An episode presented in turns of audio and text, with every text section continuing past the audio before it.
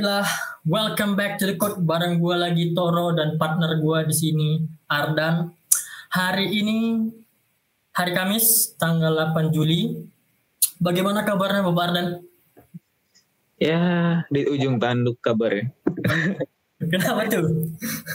harus ya ada banyak yang harus dikejar lah. Oke, gue tahu. TA ya Pak ya. Sama dong. Gak apa, yang penting semangat untuk kita. Kan Iya, iya. tadi kan lu juga ya optimis lah ya bisa sidang dalam waktu dekat ya. Siap lah, optimis banget. Semangat angkatan 17. Oke baik. Nah, di episode 6 ini kita akan ngebahas tentang NBA Finals ya. Sesuai dengan episode 5 kemarin kita akan membahas hari ini ya, tentang NBA Finals. Eh, langsung aja ke pembahasan game 1 di NBA, di NBA Finals ada Phoenix Suns dan Bucks yang itu berlangsung di tanggal 7 Juli kemarin ya yang dimenangkan oleh Phoenix Suns. Gue ingin membuka satu pernyataan di game 1 di NBA Finals ini dengan mid-range type dibawa kembali oleh Phoenix Suns yang di mana Devin Booker dan Chris Paul tentu saja banyak mencetak-cetak poin dengan mid-range. Tentu ini dirindukan dengan oleh fans-fans basket yang udah jadul-jadul ya Pak ya Iyalah. dan beberapa season ke belakang itu dengan era Curry, three point di mana-mana. Tapi sekarang kali ini di NBA Finals 2021 ini tipe mid range jumper untuk mencetak dua poin itu dibawa kembali oleh Chris Paul dan Phoenix Suns. Itu kira-kira di mana menurut Pak Arda? Kalau dari segi scoring kemarin sih emang dari mid range ya, dari sekitar eh, high side lah gue bilang. Di wing kanan kiri itu lebih sering dipenetrasi sama Paul atau sama Booker. Kalau kita lihat dari Suns. Tapi kalau dari em, Bucks, dari Bucks sih paling kalau itu cuma Chris Middleton doang untuk mid range-nya karena yang lainnya menurut gue agak kurang banget sih. Dan eh, kalau lihat statistik juga bisa dibilang sih karena ini sih three point-nya kedua tim ini lagi jelek-jeleknya. Iya benar. Jadi eh, ya mereka tetap attempt shoot eh, three point banyak, cuma emang masuknya nggak salah cuma berapa belas gitu. Lupa gue. Kalau nggak salah sih belasan sih Heeh. itu dari kedua sisi ya makanya eh, agak berat juga buat Bucks terutama Bucks kan shooting three point-nya itu cuma punya beberapa pemain aja yang punya shoot yang bagus. Apalagi kemarin eh, terpaksa nggak mainin Brook Lopez karena hancur dia defense dihancurin Ya, semuanya CP3 sama Booker kan. Itu sih Benar. menurut menurut lu gimana? Eh, kelihatan ya, emang yang seperti gue bilang tadi mid-range tipe itu dibagi lagi dengan Phoenix Suns dan di game satu ini kedua tim untuk three point-nya pada hancur banget ya. Iya Kebukti di Chris Paul dengan showing off 33 poin di final debutnya. Ada di Andre Ayton dengan double-double. Uh, gue gue ngelihat chemistry mereka berdua tuh kayak Chris Paul nih ngebuat eh di Ayton nih seperti bermain di Loop City gitu, Pak. Kelihatan gitu kan. Habis itu dengan Devin Booker yang ya not bad lah. 27 poin juga cukup berkontribusi besar. Gitu sih Pak menurut gua. Kalau dari Aiton sih, kalau Aiton menurut gua dia memang step up banget ya. Kalau dari segi permainan karena ya bisa dibilang dia nggak punya match up dari Bucks sendiri sih. Ya. Secara eh, Giannis emang dia punya power ya, strength-nya kuat banget. Terus juga tinggi, tangannya panjang, wingspan-nya panjang. Tapi ya menurut gue dia nggak nggak sekuat Aiton yang di mana dia proper buat defense seorang seorang big man sekalipun gitu. Dia mungkin agak keberatan waktu dia ketemu lawan Zubak tuh. Lawan Zubak baru ibaratnya imbang di pen area karena eh versatile sama lah Benar. antara Zubak sama Aiton. Sedangkan kemarin lawannya Brook Lopez ya bisa gue bilang dia lebih sering main di outside dan Giannis di pen area. Jadi ya menurut gue wajar sih. Aiton harusnya dia emang kayak gitu sih. Dan ya menurut gue nggak mungkin dikejar sih kalau kalau emang kayak gitu terus harus step up lah. Ya benar. Terutama dari sisi paint areanya masih agak bingung nih Bucks ya. Dengan Aiton yang banyak main nggak nggak nunggu di pos gitu, lebih banyak main di outside, yeah. cutting cutting dan ngambil apa uh, one to play gitu ya dengan Chris Paul tentunya. Oke, okay. uh, gua ada juga ngelihat nih satu insiden ya ada Chris Paul dengan Brook Lopez ketika Chris Paul mencoba nge-attempt three point dan uh, kaki Chris Paul ini landing di atas kaki Brook Lopez. Itu sangat ngeri pak ya. Hampir kejadian lagi seperti Why? Why? Dan sama Bogut ya? Apa? Zaza sama Zaza. Oh ya Zaza Paculia dan untungnya nggak kenapa-kenapa ya pak bisa main dengan baik lagi Chris Paul itu iya menurut gue uh, yang jadi masalah sih uh, ya baik lagi itu defense-nya Bucks emang kemarin keeksploitasi banget dari sisi Brook Lopez yang punya banyak kekurangan buat jaga di perimeter shoot kan. Jadi ya itu udah panik sih kalau menurutku. Karena ya dia udah nggak bisa defense. Mau nggak mau harus kontes. Pas kontes overstep terus jatuh landingnya pole di kaki itu. Dan itu uh, sering twerk juga sih si si Fitri. Lu lihat waktu fallnya Giannis ke Chris Paul itu ankle-nya kanan gantian sih. Yang kiri yang landing terus yang kanan yang pas sama Giannis. Ya menurut gue bakal ke damage lah lumayan buat di game 2 Ya, ya kayaknya Chris Paul udah lengan lengan kiri atau kanan kemarin ini udah ankle kiri kanan juga nih udah Iya. udah udah udah berat banget itu kalau menurut yeah. gue ya, secara tapi kalau menurut gua uh, foul yang dilakukan Brook Lopez ini kayak kayak bukan semacam rahasia umum lagi pak di antara pemain sejak kejadian Zaza Paculia. Jadi setiap pemain yang three point attempt itu coba ada yang overstep pasti landingnya bakal jatuh ke kaki ke kaki gitu. Kalau menurut lu gimana? Kalau menurut gua itu kayak bukan rahasia umum lagi emang udah salah satu dirty play lah yang akhir-akhir ini banyak dilakuin gitu. Hmm, kalau menurut gua tergantung dari ini sih, Tor. Uh, dari segi kontrol shootnya dari pemain ya, kayak misal contohnya si siapa tuh namanya? Kalau lu ingat mungkin Devin Booker atau yang kemarin untuk offensive foul karena dia uh, overstep dari kaki kan kakinya. Hmm. Jadi dia kayak nendang itu kayak kick Oh, nah, itu sih. Kayak gitu sih, semacam kayak gitu jadinya ya agak berat juga sih. Iya benar benar benar. Makanya ya uh, wajar-wajar aja kalau emang si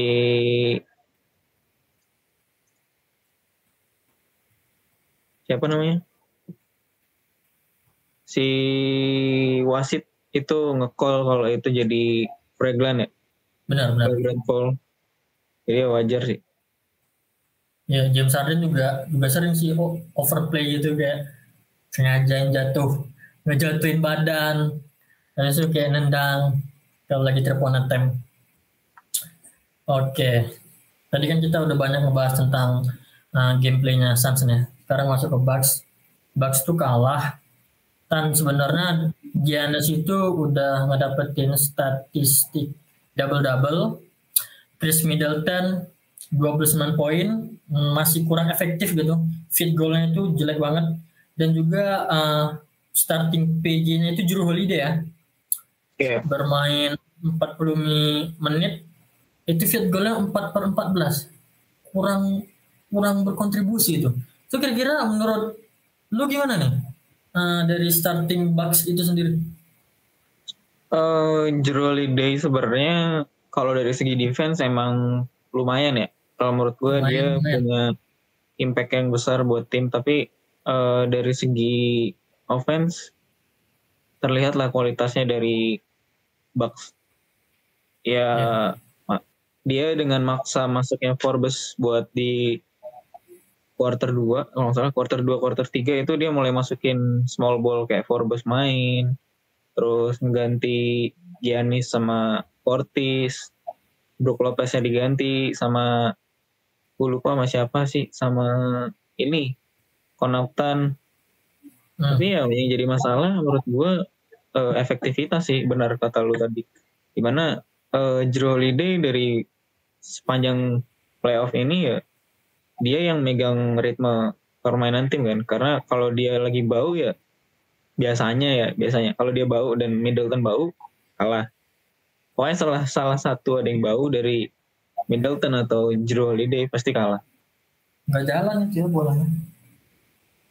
Soalnya ya yang ngegendong tim kalau istilahnya Giannis kayak kemarin lah di stop. Atau dia memang belum balik bounce back kayak 100% ya berat juga sih harus benar, benar. bisa step up lah dari Drew Holiday buat besok sih terutama. Oke. Okay. Uh, udah ngebahas nih ya dengan sisi gameplaynya Suns, ada gameplaynya Bucks, dari segi statistik juga. Um, ada juga nih dari Bucks, gue baca di berita ternyata Giannis Antetokounmpo tidak merasakan kesakitan di lututnya setelah bermain di game game pertama kemarin. Wah, itu berita baik ya untuk Milwaukee. Kira-kira gimana tuh menurut lo? Uh, kalau mungkin kalau itu dari segi Yanis, menurut gue dia buat ngeboosting mental dari timnya sih menurut gue mungkin, karena mungkin, mungkin, mungkin. percaya itu menurut gue pertama dia mau ngeboost mental dari timnya sendiri karena ya uh, dari segi permainan kalau kita lihat ya itu limitasi dari Giannis banyak banget di mana dia iya. mau mau drive dia nggak berani dia makanya sering pull up shoot terus juga kontak sengaja kontak biar dapat fall karena ya iya, iya. kalau dia penetrasi lawan Aiton dengan kondisi 80% menurut gue nggak mungkin sih. Kemarin kelihatan loh. Masuk dia kick out. Nggak bisa nggak bisa nggak bisa scoring. Kecuali emang uh, out of possession aja kayak Aiton beberapa kali lah dua kali tiga kali. Ya ya setuju gue dari pernyataan lo nih sama ya. ini tuh terakhir. Giannis itu di kuarter 4 sering megang lutut. Gue nggak ngeliatin sih itu dia nunduk megang lutut. Megang lutut yang sebelah kanan kalau salah ya sebelah kiri ya? Gue lupa. Ya itulah pokoknya. Perlu juga tuh kita perhatikan besok tuh. Nah untuk Sebagian. game gue sih menurut gue nih ya pembuktian uh, seorang Giannis kalau emang merasa nggak baik merasa sudah baik-baik aja itu di game besok. Kalau dia bisa scoring dan rebound uh, minimal kayak kemarin atau di atas lah. Sekitar 25 atau 27 poin. Yang menurut gue dia udah merasa lebih baik. Tapi kalau masih under ya berarti ada masalah dengan dia. Iya benar benar, benar. setuju gue setuju. Oke. Okay. uh, ini untuk dari gameplay Sun sama Bucks ini udah kita bahas semua. Uh, yang lainnya mungkin ada mau tambahan lagi dan Tambahannya paling uh, kalau dari segi gameplay uh, kita nggak bisa kabur dari sosok pelatih lah. Menurut okay. lu gimana tuh sosok pelatih dari kedua tim nih? Uh, kelihatan kan dari uh, pertarungan catur antara Coach Bat sama Monthly William. Gua lebih ke pelatih San sih pak. Gimana dia ngerais seorang CP3 nih. Yang dulunya di New Orleans Pelicans sih pak dan hmm. sekarang balik lagi di Suns di mana dulu pelatihnya itu di era-era ya masih terpuruk lah belum terlalu step up bersama si Fitri dan kemudian balik lagi si Fitri di bawah coachingnya dia. Itu bisa sampai ke titik ini sekarang. Itu menurut gua satu pencapaian yang uh, mutualisme sih antara pelatih dan pemain. Kelihatan gitu. Gimana juga uh, seorang si Fitri ini bisa ngeliding pemain-pemain muda yang lain emang ibaratnya bagai sinar di kegelapan lah nih di Phoenix Sun nih si Fitri Tek. wah yang lainnya ngikutin tuh sinar ya Devin Booker, Dede Trent dan teman-teman dapat satu sosok yang bisa mensupport cara bermain mereka semua. Gitu sih menurut gua.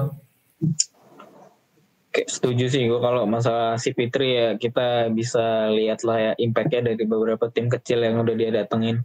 Gila, gila, gila. Emang terbukti Bisa. kan. Kebukti banget.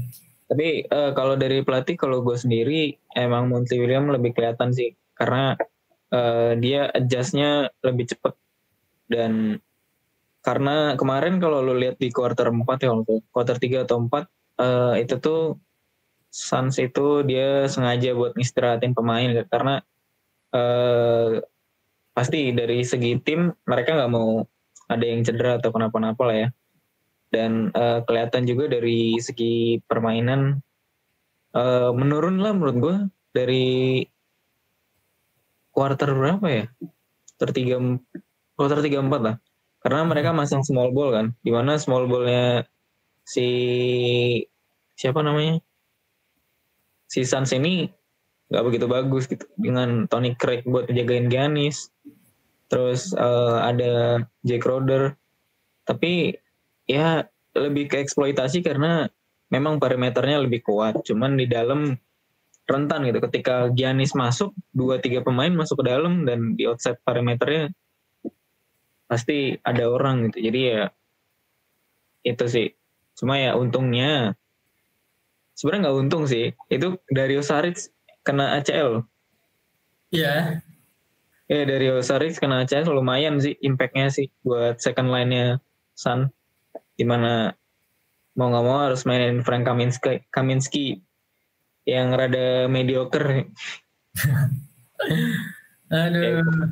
Kelihatan Kalau dari- juga, kelihatan juga ya, Phoenix Suns tuh menyiapkan minuman khusus tuh untuk si Pitri dan Devin Booker tuh.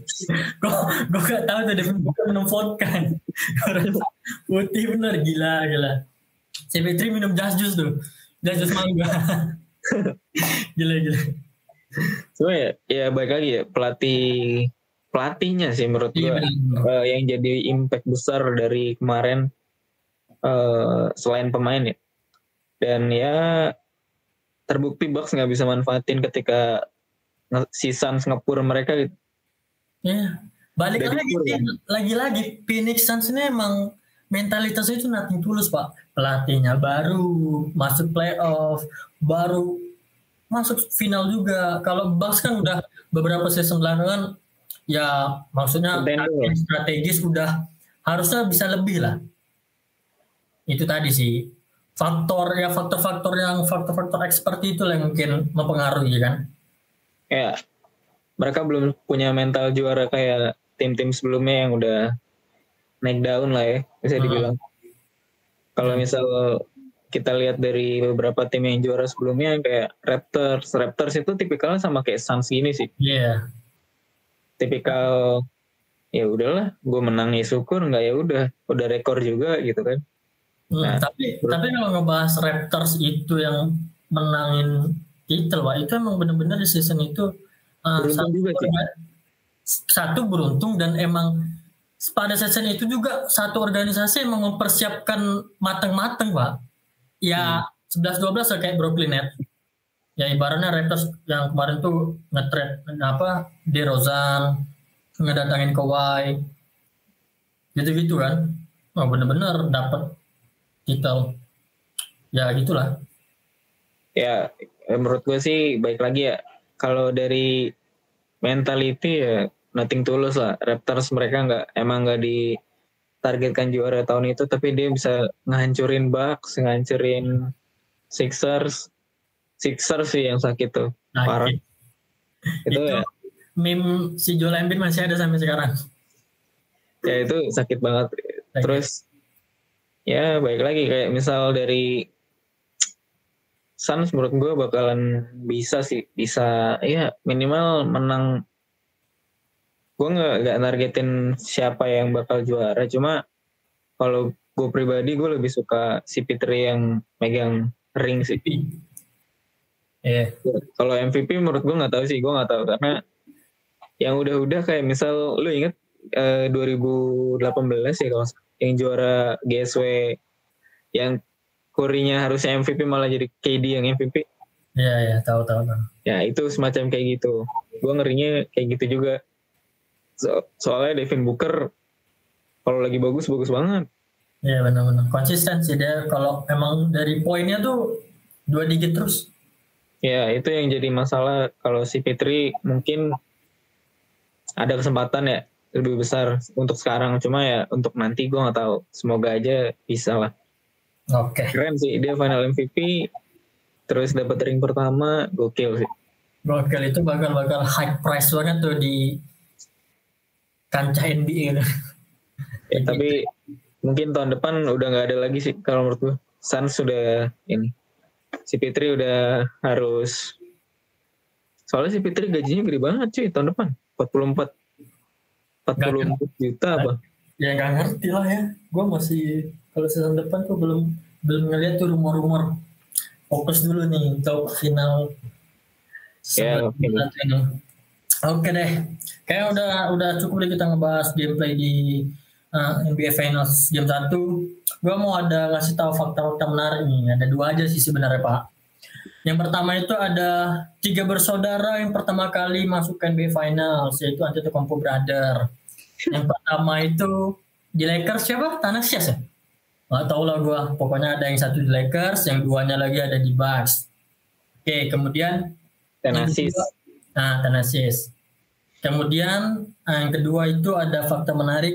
Jay Crowder adalah satu-satunya pemain yang pernah menjajaki NBA Finals dan seluruh pemain Phoenix Suns dan Milwaukee Bucks yang lainnya itu belum pernah masuk NBA Finals. Sementara Jay Crowder sudah enam kali.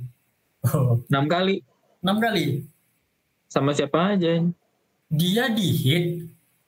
Gua gua gua ngebaca di media sih ini. Gua dia di pokoknya gua tahu di hit. Terus? Di gitu di Lakers. Dia nggak pernah masuk Lakers. Di mana tuh? Setahu gue cuma sekali deh. Eh baru dua kali deh Jack Crowder enam kali gua baca. Aduh gua gua, kalau nggak buka di laptop hancur nih beritanya. Pokoknya itulah kalau kalau salah mohon dikoreksi Oke, lu mau namain nggak fakta, menarik yang lain? Eh, paling ini sih Apa? berita sedih untuk Nice. NBA karena eh, rookie tahun ini yaitu pemain Timberwolves Anthony Edwards kena ankle tuh cedera Pas latihan. ya pas latihan eh, tim nasional USA Cedera Anjir, dia. itu, yang, kandidat Rookie of the Year juga kan? dia kandidat ya tapi nggak nggak masuk Ya doain lah. dia baru sekali eh dua kali Miami lawan di Miami Heat Baru sama kali. di Phoenix Suns Ya, salah gue berarti. Eh, ini medianya nih salah nih. Oke. Oke lah, udah fakta menarik, udah membahas gameplay. Eh, terakhir kesimpulan di prediksi game 2 tanggal 8 Juli besok. Kalau dari gua dulu nih Pak ya. Gue memprediksi kalau ngelihat yang dari pernyataan Giannis di game 1 itu yang dia yang lu bilang dia itu ngebus pem- apa pemain timnya untuk bisa semangat dengan menyatakan bahwa gua nggak ngerasain kesakitan di lutut gua dan kalaupun kejadian ternyata dia menutupi rasa sakitnya di game 2 itu gua nggak ada harapan sih untuk Bucks. Karena ya seorang Giannis seorang monster rusa bermain dengan limitasi itu menurut gua ah, kurang lah kekurangan untuk Milwaukee Bucks sendiri. Dan sementara di sisi Phoenix Suns dengan bermainnya lepas CP3 final debut di NBA Finals dengan bisa mencatatkan 30 plus poin bermain lepas dengan Danny Ayton dan dibantu dengan points yang lebih dengan Devin Booker itu menurut gue lebih ke Phoenix Suns sih untuk prediksi gue di game 2 itu bakalan 2-0 untuk Phoenix Suns itu sih dari gue kalau dari lu gimana Pak? kalau game besok sih kalau gue bilang eh, semua tim punya kesempatan buat menang. Cuman Oke. eh, dari segi permainan satu sama lain menurut gue yang jadi masalah adalah eh, dari efisiensi dari kedua tim sih menurut gue karena eh, Jake Crowder juga jelek kemarin mainnya. Terus buat uh, Bucks Drew Holiday terus juga Forbes itu juga jelek. Jadi uh, konsistensi dan efisiensi emang harus diperlukan lah di game final. Terus kemarin juga si siapa namanya? Aiton kalau Bucks nggak bisa berhentiin Aiton di pen area minimal buat rebound lah. Entah itu di defensif atau di ofensif atau ya apa pun itulah. Pokoknya di pen area nggak bisa stop. Aiton Bucks bakal kalah sih menurut gue terus kalau untuk parameter shoot ya kita nggak akan tahu. Uh, buat dua dua pemain kunci mereka kayak misal Jero Holiday sama uh, siapa namanya? Middleton buat di Bucks. Atau kalau di Suns itu ada si Booker sama Chris Paul.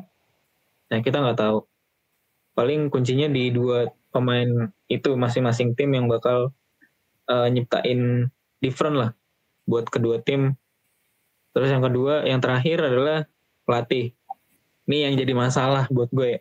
Gue sedikit kesel sih gue sama coach Butts uh, kadang ketika dia apa ya bisa dibilang punya kesempatan buat lead jauh ya atau buat run make run kayak 10-0 atau 15 itu mereka pasti uh, ngeganti pemain lah.